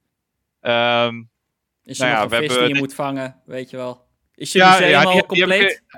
Die heb ik compleet, inderdaad. Ehm, ja, alleen half, halverwege de zomer kregen we de, de diving update. Dus je kan nu ook met een duikpak aan kan je eh, vissen op gaan duiken, zeg maar. ja. Eh, maar die heb ik dus nog niet allemaal, dus dat moet ik ja. nog wel even doen. Maar dat, dat is Eh, toch dat is wat je bedoelt, weet je. Nintendo update die game, geeft je genoeg te doen. Eh, ik, Fabian, jij bent niet de enige eh, in mijn vriendenkring die ik ken die de, de, de New Horizons fever heeft, noem ik het maar even. Eh, ik ken echt mensen die ja, dit elke dag spelen, trouw. En inderdaad, wat je zegt, met een glimlach aan hun face. En ik moet ook zeggen, voor de periode dat ik de game heb gespeeld, weet je, het is denk ik gewoon, het klikte gewoon niet voor mij. Maar wat ik wel kan zeggen is dat, ja, Animal Crossing is zo blij, zo... Ik vond het de eerste week, vond ik het zo vet. En was het inderdaad een escape van deze hel waar we in zitten. En ja, Animal Crossing is gewoon... Ja, wat dat betreft vind ik dat hij inderdaad echt een, een, een soort van ja, ik weet niet. Het is gewoon de, de meest speciale en meest eh, nodige game van het jaar, I guess. eh, guess. En ja, zeker ik vind het een beetje... als jij zegt dat je met je familie zelfs kan spelen. Ik bedoel, hoe vet is dat? Ja, in mijn, in mijn, in mijn schoonfamilie hebben, eh, nou ja, allebei mijn schoonouders die hebben een Switch Lite gekocht voor deze game. Ja, mijn zus die heeft ook een Switch gekocht voor deze game. En mijn vader ook voor deze game. wauw. Ja. Dus ja, je ziet, je ziet gewoon om je heen wat het, wat het met mensen doet. En die willen daar ook allemaal bij horen. En ja, het is irritant dat je elke keer met die dodo moet praten om naar een ander eiland te gaan. En ja, het is irritant dat je elke keer een laadscherm krijgt. Maar ja, de leuke momenten maken dat allemaal goed. Eh, ja, ik vind het gewoon fantastisch. Ik vind het alleen heel erg lastig om deze game, ja, deze game te vergelijken met de rest van de, eh, de, rest van de games. Want het- het- Ja. er is niks wat erop lijkt. nee. Überhaupt dat niet. maakt hem ook speciaal. Ja, Maar ik moet zeggen, het is ook al de game zeg maar, waar ik me voor het eerst... Dat ik dacht, shit, ik begin oud te worden, man. Mijn dochter ging, eh, vroeg mij om hulp. En ik heb die game ook al een beetje gespeeld. Maar ik merkte, zeg maar... Het was mij niet helemaal nou precies duidelijk wat de progressie was. En, en, en Nee, is het moet, ook ik dan niet. Die op, moet ik dan die opdrachtjes doen? En wat krijg ik dan voor die opdrachtjes? Weet je wel, ik dacht echt een beetje, wow, what the fuck is dit, weet je wel? En Ja. ehm, de game neemt je niet echt aan de hand. En aan de ene kant is dat cool, maar gelet op zeg maar de enorme scope van die game, de- ik, oeh, ik voelde me een beetje over, ehm ja stimuleert. wat, wat je zegt, de game neemt je niet helemaal bij de hand, eh, is niet helemaal waar. Eh, de game neemt je heel erg bij de hand in het begin. Eh, en geeft daarin eigenlijk steeds meer dingetjes om, om, ja, om te doen. Dus in het begin heb je alleen een, eh, een vishengel en een eh, visnet. En eh, later krijg je ook een, eh, een eh, polstok waar je dus een rivier mee over kan. En dan krijg je een schep. En dan de volgende dag krijg je een ladder. Dat was En- het. Het was mij niet duidelijk, zeg maar. Want, de, de- want die, die polstok is inderdaad wel een goede dat je die noemt. Daar, daar zat ik dus gewoon mee. Hoe, hoe kan ik nou naar die andere kant van die rivier? Waarom Nou, kan ik ik- niet naar de andere kant van die rivier? En dan kon ik shit bouwen, maar daar had ik dan steen voor nodig. Ja, maar ja, ja. nergens fucking kon ik steen vinden. Weet je wel? En toen dacht ik echt van, wow, weet je, Maar- wat doe ik nou fout? Het- dat is het ding natuurlijk. Is dat, en dat is ook waar Animal Crossing Animal Crossing in, in is. Het is tijdgebonden, hè? Aan real life tijd. Dus je kan deze game niet op 10, 10 uurtjes spelen op een dag. Want er zijn maar zoveel dingen die je kan doen eigenlijk. En dan moet je wachten tot ja, morgen. Eh, Want ja, die polstok of die whatever, die krijg je niet nu. Die krijg je morgen pas. Of weet je wel, die boom is, heeft pas vruchten over drie dagen. Weet je wel. Dus ja, in dat opzicht, het is wel zo'n game waar je. eh, ja, ik, ik, vergelijk het dan. Een hele rare vergelijking die ik maak nu. Maar eh, ik moest denken vroeger aan die Tamaguchi-eitjes. Toch Ja. een beetje dat, weet je wel? Van ja, je moet ervoor zorgen. Je moet voor je dorp zorgen. En het is ja, eh, real life tijd allemaal. En je kan wel vind het heel cheaten als je wil, maar Ik vind het heel zuur dat je op ehm één en dezelfde eiland zit. Als je op dezelfde Switch speelt. Ja. Want ik, mijn dochter speelt, weet je wel. En ja, structuur nul, weet je wel. Ze had nou bomen geplant, maar ja, weet je... Weet je, what the fuck, waarom de- Maar ja, ik kan dat niet, zeg maar, ik kan er niet mijn eiland van maken, Nee, want we, nee. we delen dat eiland. En dat vind ik irritant. Dat je, het is leuk Ja. dat het kan, maar het is irritant dat je niet de mogelijkheid hebt om het niet te doen. Ja, en ik denk dat daarom misschien ook Fabian die toch niet op jouw nummer 1 staat. Want eh, inderdaad, eh, toen wij speelden, eh, ging ik bijvoorbeeld ook naar jouw eiland. Of je ging naar mijn eiland. Maar ja, de tweede player kan eigenlijk niks doen. Je kan niks bouwen. Je kan, je kan niet samenwerken. En dat is ook zo'n gemiste kans. Nee, het is, eh, de, de, de multiplayer sessies zijn eh, eh, Show and ja, tell. vrij, vrij karig inderdaad. Het is meer van, oh, ik kom even naar mijn eiland. ik zou je een voorbeeld geven. de- de- we hebben nu net Toy Day gehad, dus de Animal Crossing versie van kerst. Oké, En ja. dan moet je cadeautjes rondbrengen. Als je het allemaal gedaan hebt, dan krijg je een recept. En dan kan je een stapel cadeautjes kan je maken als versiering, zeg maar. Maar voor dat recept heb je specifiek rood inpakpapier nodig. Nou ja, eh, iedere dag heeft eh, Tom, eh, Tim, Timmy en Tommy die hebben maar twee kleuren inpakpapier in de winkel. En er zijn niet van twintig kleuren of zo. Dus ja, je, en je wil altijd die cadeautjes wil je hebben rond kerst. Ja, ja. Ja, op eerste kerstdag was het bij ons al meteen, oh wie heeft er rood inpakpapier? Dus dan gingen we daar allemaal heen. En, maar dan zijn we ook allemaal zo weer weg. Tenzij iemand zegt van ja, eh, ik heb een nieuw deel gebouwd en daar ben ik heel trots op en wil ik aan jullie laten zien. Dan, dan Ja. kijken we daar even naar. Maar we gaan niet eh, even een uurtje chillen of zo eh, op iemands eiland. Want Nee, je hebt gewoon weinig te doen. Ja, het was dat meer eh, voor handel, heb ik begrepen. Voor turnips en zo. Even een bezoekje Ja, turnips in brengen. het begin inderdaad wel. ja. Goed, laten we voor, eh, doorgaan eh, naar, nou, jouw Game of the Year zelfs, Emiel. Jazeker, mijn absolute nummer 1 uit 2020. En ehm, ja, ik denk niet dat veel mensen hem in de top 10 zullen hebben, maar het, ik vond hem echt fantastisch. Ik heb hem toch een paar keer voorbij zien komen, hoor. Ja? Ja, Ja, Streets zeker. of Rage 4. Ja, het is echt ehm, een golden oldie die terug is, zullen we maar zeggen. Het is een Ja. franchise waar ik echt al heel vaak ook al een beetje heb gekeken van waarom pakt niemand die op? Ik heb wel een keer devs op Twitter zitten van jongens, weet je, er zijn zoveel mooie IP's uit de Sega-era die gewoon dormant zijn, maar die echt top zijn. En daar was Streets of Rage er eentje van. Maar wat een fantastische game. Als ik gewoon, zeg maar, sowieso mijn nostalgische gevoelens ten aanzien van de franchise gewoon even laat voor wat het is, Ja. dan kan ik denk ik nog steeds zeggen dat Streets of Rage de beste entry in de franchise is. Wow, echt? Ja, Wow. is beter dan Street of Rage 2. En Street Ja. of Rage 2 is voor mij, weet je wel, dat is Ja. mijn, mijn absolute, nou misschien niet nummer 1, maar wel in ieder geval nummer 2 van eh, de beste Ja. 16-bit game ooit. Maar eh, deze game is echt gewoon heel veel beter. Ehm, ik vind het stijltje ontzettend gaaf. Het is super gestileerd. Ja. Ja, qua art, daar ben jij meer een beetje van. Maar het ziet er gewoon heel tof uit. Het is allemaal handgetekend. Er is ontzettend veel liefde ingestopt.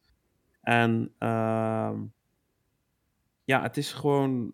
De gameplay is gewoon solide. Het is gewoon een hele goede beat-em-up. Ja, je moet er natuurlijk wel van houden. Maar het is ook gewoon. Het is uitdagend alleen. eh, als je de lijst met achievements ziet die je dan toch wil halen, dan denk je: holy fucking hell.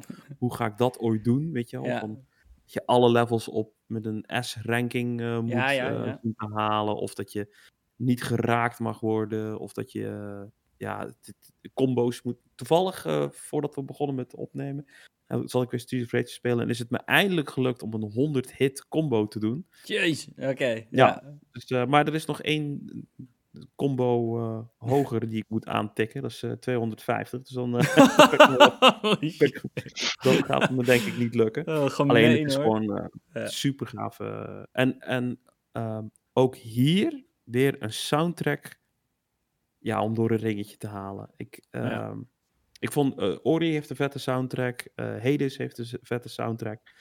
Maar Street of Rage 4 heeft nou misschien wel de beste soundtrack van de afgelopen tien jaar. Oké. nou. Die soundtrack is echt heel goed. Ja. Eh, die dude die daar verantwoordelijk voor is als eh, hoofdproducer voor de soundtrack, want het is een soort collaboration van allemaal artiesten. Dat is eh, Olivier Devinière, als ik het goed uitspreek. Dat is een Fransman. Nog niet zo'n hele oude gast. Maar die is echt zo aan de weg aan het timmeren qua, ehm, qua performance, zeg maar, als muzikant. en dan met name in de gamesindustrie. Hij heeft Life is Strange gezien van de soundtrack. ehm, A, A Plague Tale heeft hij ook gedaan. Creedfall, Dying Ja. Light. Ja. En dan nu echt zo'n echt fantastische combinatie van songs samengesteld. Het is Ja. echt ongelooflijk. Als je ehm, echt even wil checken waarom die soundtrack nou zo dope is, dan moet je eigenlijk gewoon eventjes zoeken op... ehm, Het staat eh, niet op Spotify. ja, staat wel op Spotify. Maar er is op. hij heeft een, een, eh, deluxe edition van Rising Up. Of Rise Up. Rising Up, zo heet dat nummer. Die track moet je echt even horen. Street of Rage 4, Oké. Rising Up. Zo gaaf. Echt een hele vette bas eronder. En eh, ja, die, eh, die, ik denk dat het een, een muziekproducent is qua games die je nog wel vaker gaat horen. Deze kerel is echt... ik vond het ook ongelooflijk dat hij niet genomineerd was hoor. Ik kan er echt Ja. bij de Game Awards. Kon Ja, er echt vreemd. Alleen, ja, nee, deze game is echt gewoon... ja, een eh, return to form. En eigenlijk misschien nog wel beter dan het origineel ooit was. Doop. Ehm, ja, dit is ehm, de Game of the Year van mij en Fabian. Ja, nu komen we aan het controversiële stukje volgens ja. mij van onze afleveringen. Ja, dat denk ik ook. Ik Ehm, dat we de les al gehad hadden, maar... het, Ja. is, het is toch cyberpunk geworden voor mij. En voor jou dus ook, Fabian. Waar ik echt eh, zo verrast over was. Want ik weet hoe erg jij ehm, Animal Crossing, hoe doop je dat vond. Ehm, ik moet er wel bij zeggen, ik heb deze conclusie al getrokken zonder de game uit te spelen. Eh, ik heb hem niet uit. En dan bedoel ik, ik heb de story niet uit. Ik ben wel echt, ik geloof, ik ben al bij de laatste missie, dat wel. Maar om iedereen even eh, rustig te maken, ik heb wel al iets van 75 uur in de game zitten. En ja, het heeft wel even geduurd, moet ik zeggen, voordat ik dacht, dit is mijn Game of the Year. Want de eerste 20, 30 uur was het dat gewoon nog niet. Maar toch, langzaam maar zeker, krabbelde die elke keer één, eh, ja, één, één plekje hoger in mijn, in mijn top 10 lijst. En ja, waar moeten we beginnen, Fabian? Dit is echt een, zo'n immens grote game. En al helemaal natuurlijk met alle controverse die er nu is. Wa- waarom is dit Game of the Year voor jou? Voor mij. ja, ik, ik, ik weet ook niet zo goed waar ik moet beginnen. Eh, laat, laten we even beginnen met een kleine disclaimer. Eh, Ja. Jij en ik, eh, Julian, we hebben hem allebei gespeeld op een dikke PC met een 3080 erin. Ja, Eh, en daarbij hebben we allebei de beste versie gespeeld. Uh, dat is dus- zeker wel even benoemenswaardig, ja. Ja, ja dus ik heb, ik heb deze game ehm, van begin tot eind, nou ja, meerdere eindes eh, gespeeld. eh, zonder eigenlijk een, een enkele crash. Ik heb ook Ehm, geen nul crashes gehad, inderdaad. Ja, Nee, ik, ik, heb regelmatig wel wat bugs qua animaties en dat, dat, soort, eh, dat soort dingen. Maar dat ben ik in principe van open wereld games wel gewend. Ehm, ik heb in Assassin's Creed Valhalla, ik denk, nou, tien keer zoveel echt breaking bugs gehad en crashes ja. dan in, dan in Cyberpunk. Dus mijn ervaring was wat dat betreft ja voor mij. Ehm, eh, technisch helemaal prima. Ik heb hem echt eh, in 1440p met eh raytracing op Psycho heet het geloof ik. ja, Eh, en alle settings op high, eh, high gespeeld. Dus het was echt een... ja. het, is, het is sowieso een visueel spektakel. Zo, grafisch, als vormgeving, als design. Ja, jongens, waar moeten we beginnen? ja, het is... Kijk, ik, ik zeg heel eerlijk, en dit is ehm, wat maar een paar games in een generatie voor mij doen. Eh, de vorige game die dit voor mij deed was Red Dead Redemption. En dat is mij compleet eh, zuigen, soort van... I'm sucked into this world. Ik ben in Night City, weet je wel? En ik denk dat daar sowieso de strength ligt van Cyberpunk is Night City. En de characters. Ehm, ik- weet je, het is sowieso een van de meest ja, immersive steden of game worlds waar je in kan ronddwalen en ja, kan, kan, ja, waar je letterlijk in kan ronddwalen, weet je wel. En in het begin was het voor mij wel moeilijk. Ik, kijk, ik denk één ding, moet ik er wel bij zeggen.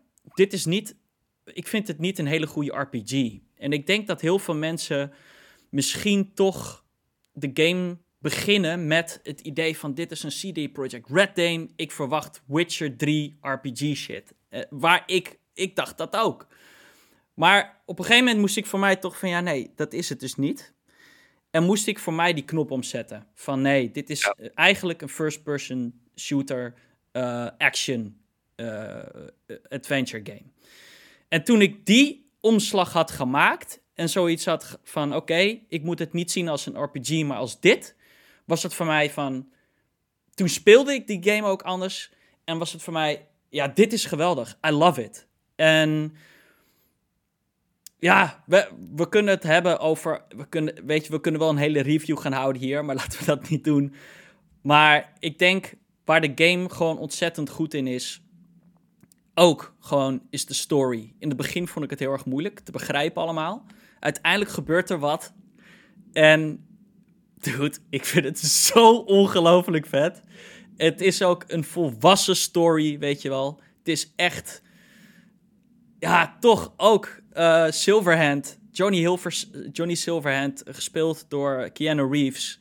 Ehm, ik dacht aan het begin, toen ze dat aankondigden, ja, dat wordt een, een leuke soort van kleine cameo. Maar nee, het is echt een belangrijke character in de game. En hij... Ik, ik, ik voel me ook een soort van... Ja, ik weet niet. Ik hou van Johnny Silverhand. Ik hou van nog meer characters in de game. En ja, ik weet niet. Ik vind het verhaal propelled me forward. Maar met name toch gewoon de open wereld en de dingen die je erin kan doen. En de manier. Je hebt toch zoveel verschillende manieren waarop je de game kan spelen. Ik speel hem stealthy. Maar soms heb ik ook zoiets van: ik ga deze missie guns blazing doen. En dan pak ik mijn shotgun. En ja, ik weet niet. Het, het, het is wel echt een fantastische open wereld. Ja, het, het- enige wat ik, wat ik een beetje eh, eh, gek vind. En dat, dat is denk ik ook wel ehm, te verklaren met het feit dat deze game is duidelijk nog niet helemaal waar CD Projekt Red had gewild dat, eh, dat hij was.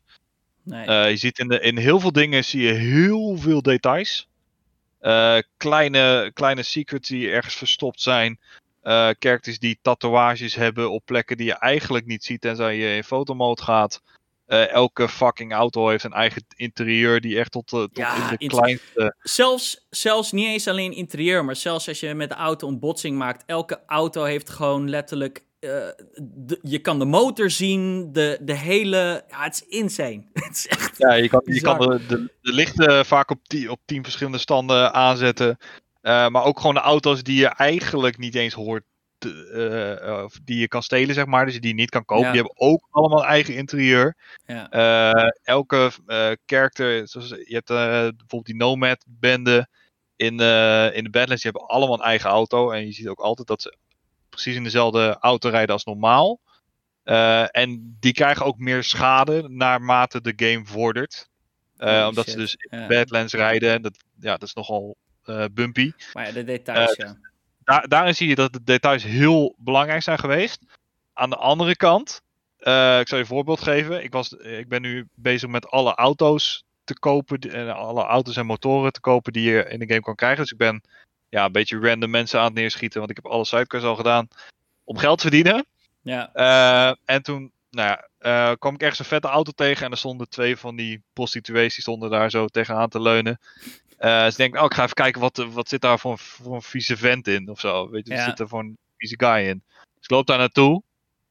Is die auto leeg. ja, ja, ja. ja En precies. dan, ja, dat, dat Ja. soort dingen. Of iemand die dan een broodje aan het eten is. En dat broodje raakt maar nooit op. En die staat er daar zijn gewoon inderdaad... eh, hetzelfde broodje er, te eh, eten. Ja, Klopt. En, en ik denk ook dat in dat opzicht eh, Cyberpunk nog polish nodig heeft. Ja. Zeker. Dat ga ik ook echt niet ontkennen hier. Want ik zie ook die dingen. Bijvoorbeeld de traffic AI. Weet je wel, is eigenlijk zo primitief en ehm, doet niks eigenlijk. Het is gewoon recht doorrijden. Als er een verstopping is of een file, dan kan je eeuwen blijven wachten, maar dat gaat niet vooruit. Dus je moet er omheen rijden. Dus weet je, tuurlijk, ja, er zijn dingen die niet perfect zijn, maar toch voor mij, ik, ik kan niet stoppen met spelen. En zodra ik, eh, als ik niet Cyberpunk speel, dan denk ik over Cyberpunk. Ik droom er zelfs over, weet je. En, ja, same. ja, ik weet niet. Het is, ehm, again, een van die games waarbij je gewoon helemaal compleet overwhelmed kan raken en invested kan raken.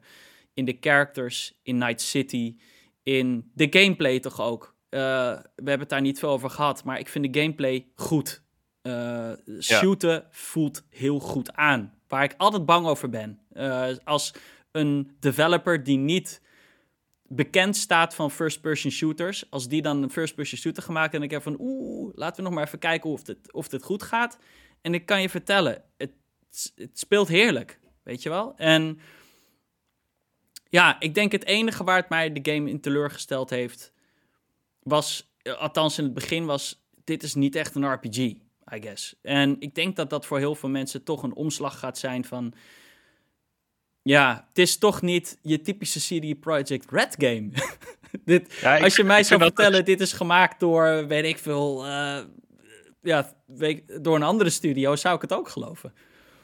Ja, ik vind dat dus wel meevallen. Ik, heb, eh, eh, ik speel zelf als eh Street Kid en ik heb mijn, moet goed zeggen, intelligence, engineering en reflexes heb ik maxed out. Ja. Ehm, mijn vriendin die speelt de game ook.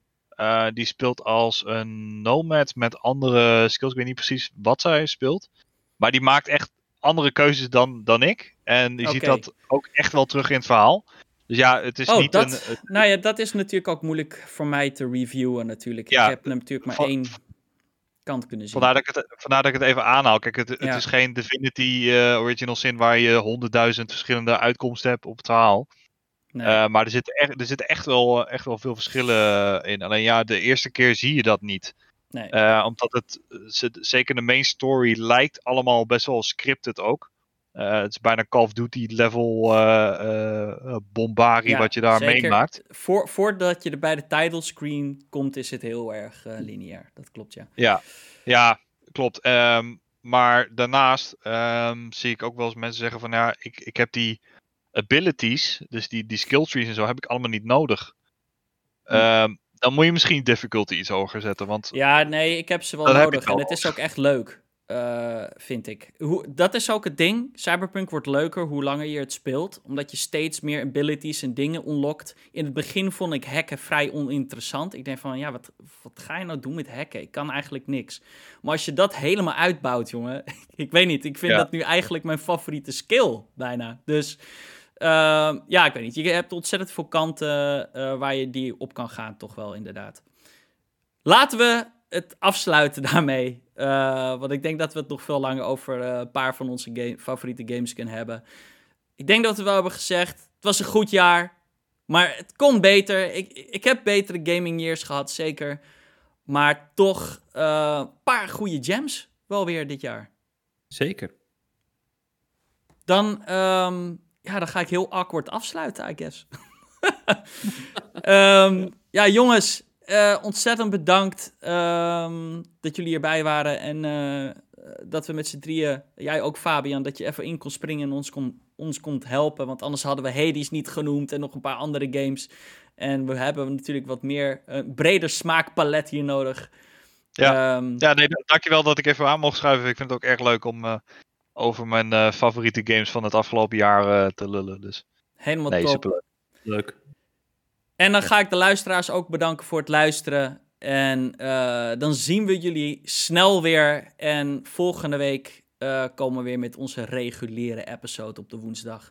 Dus kijk daar ook naar uit. Emiel? Beste wensen allemaal. En beste wensen, inderdaad.